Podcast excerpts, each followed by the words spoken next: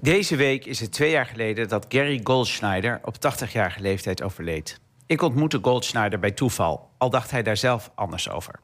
Eigenlijk had ik die dag een afspraak met Berthe Meijer, culinair journalist en kookboekschrijfster, die ik zou interviewen voor de inter Universiteitskrant van Maastricht, waar ik als student voor schreef. Een streekbus bracht mij naar een nieuwbouwwijk waar ik al snel de weg kwijtraakte. En dus vroeg ik een vriendelijke man met grijs haar of hij mij kon helpen. De man, die met een Amerikaans accent sprak, wist precies waar ik moest wezen. Het toeval wilde namelijk dat hij getrouwd was met Berthe Meijer. Althans, ik dacht dat het toeval was. Gary Goldschneider vond het te toevallig om onze ontmoeting aan het toeval toe te schrijven. Eenmaal binnen vertelde Berthe Meijer dat ze eigenlijk niet snapte waarom ik helemaal uit Maastricht was gekomen om haar te interviewen. Zoveel had ze niet te vertellen. Natuurlijk, toen ze begon met schrijven, dachten veel Nederlanders nog dat je macaroni het best met suiker en boter kon opdienen. En inderdaad, knoflook was toen iets waar de meeste lezers van gruwelden. Maar of zij op alle veranderingen echt invloed had gehad, durfde ze niet te zeggen. Ze wilde gewoon graag mensen enthousiasmeren om lekker te eten en te koken. Daarom had ze ook expres geen dure oven laten plaatsen in de keuken waar we zaten. Een professioneel fornuis was haar wel aangeboden door een aantal fabrikanten, maar ze wilde dat haar keuken niet beter was dan die van de lezers.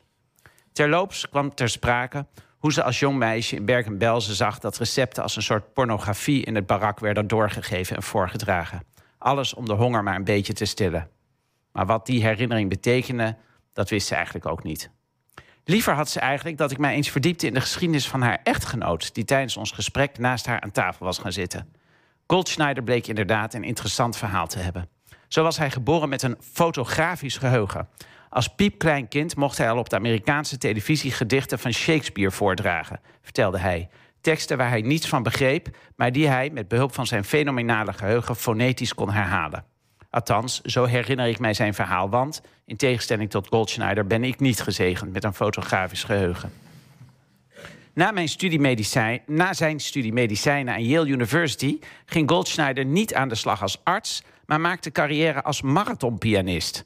Hij voerde in 1984 alle 32 Beethoven-sonates achter elkaar op. Alleen om te drinken mocht hij stoppen. Ook alle Mozart-sonaten speelde hij dat jaar in een zes uur durende marathon.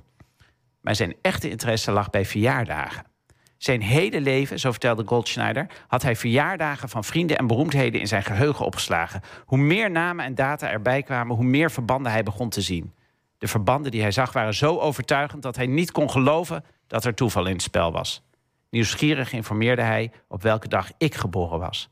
Toen ik het antwoord gaf, verscheen er een grote grijns op zijn gezicht. Dit kon geen toeval zijn.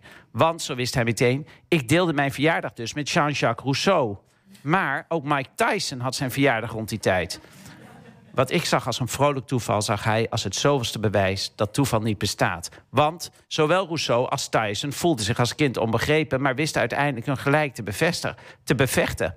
Dat, zo voorspelde hij, zou mij ook lukken. Met mijn geboortedag kon het haast niet anders. Ondertussen had Berthe Meijer een groot boek op tafel gelegd. The Secret Language of Birthdays. Een meer dan 800 pagina stellend naslagwerk... waarin Goldschneider zijn theorie over verjaardagen helemaal had uitgewerkt. Van dat boek zijn er, zo las ik vandaag op internet... inmiddels meer dan anderhalf miljoen verkocht. Een wonderlijk pseudowetenschappelijk naslagwerk.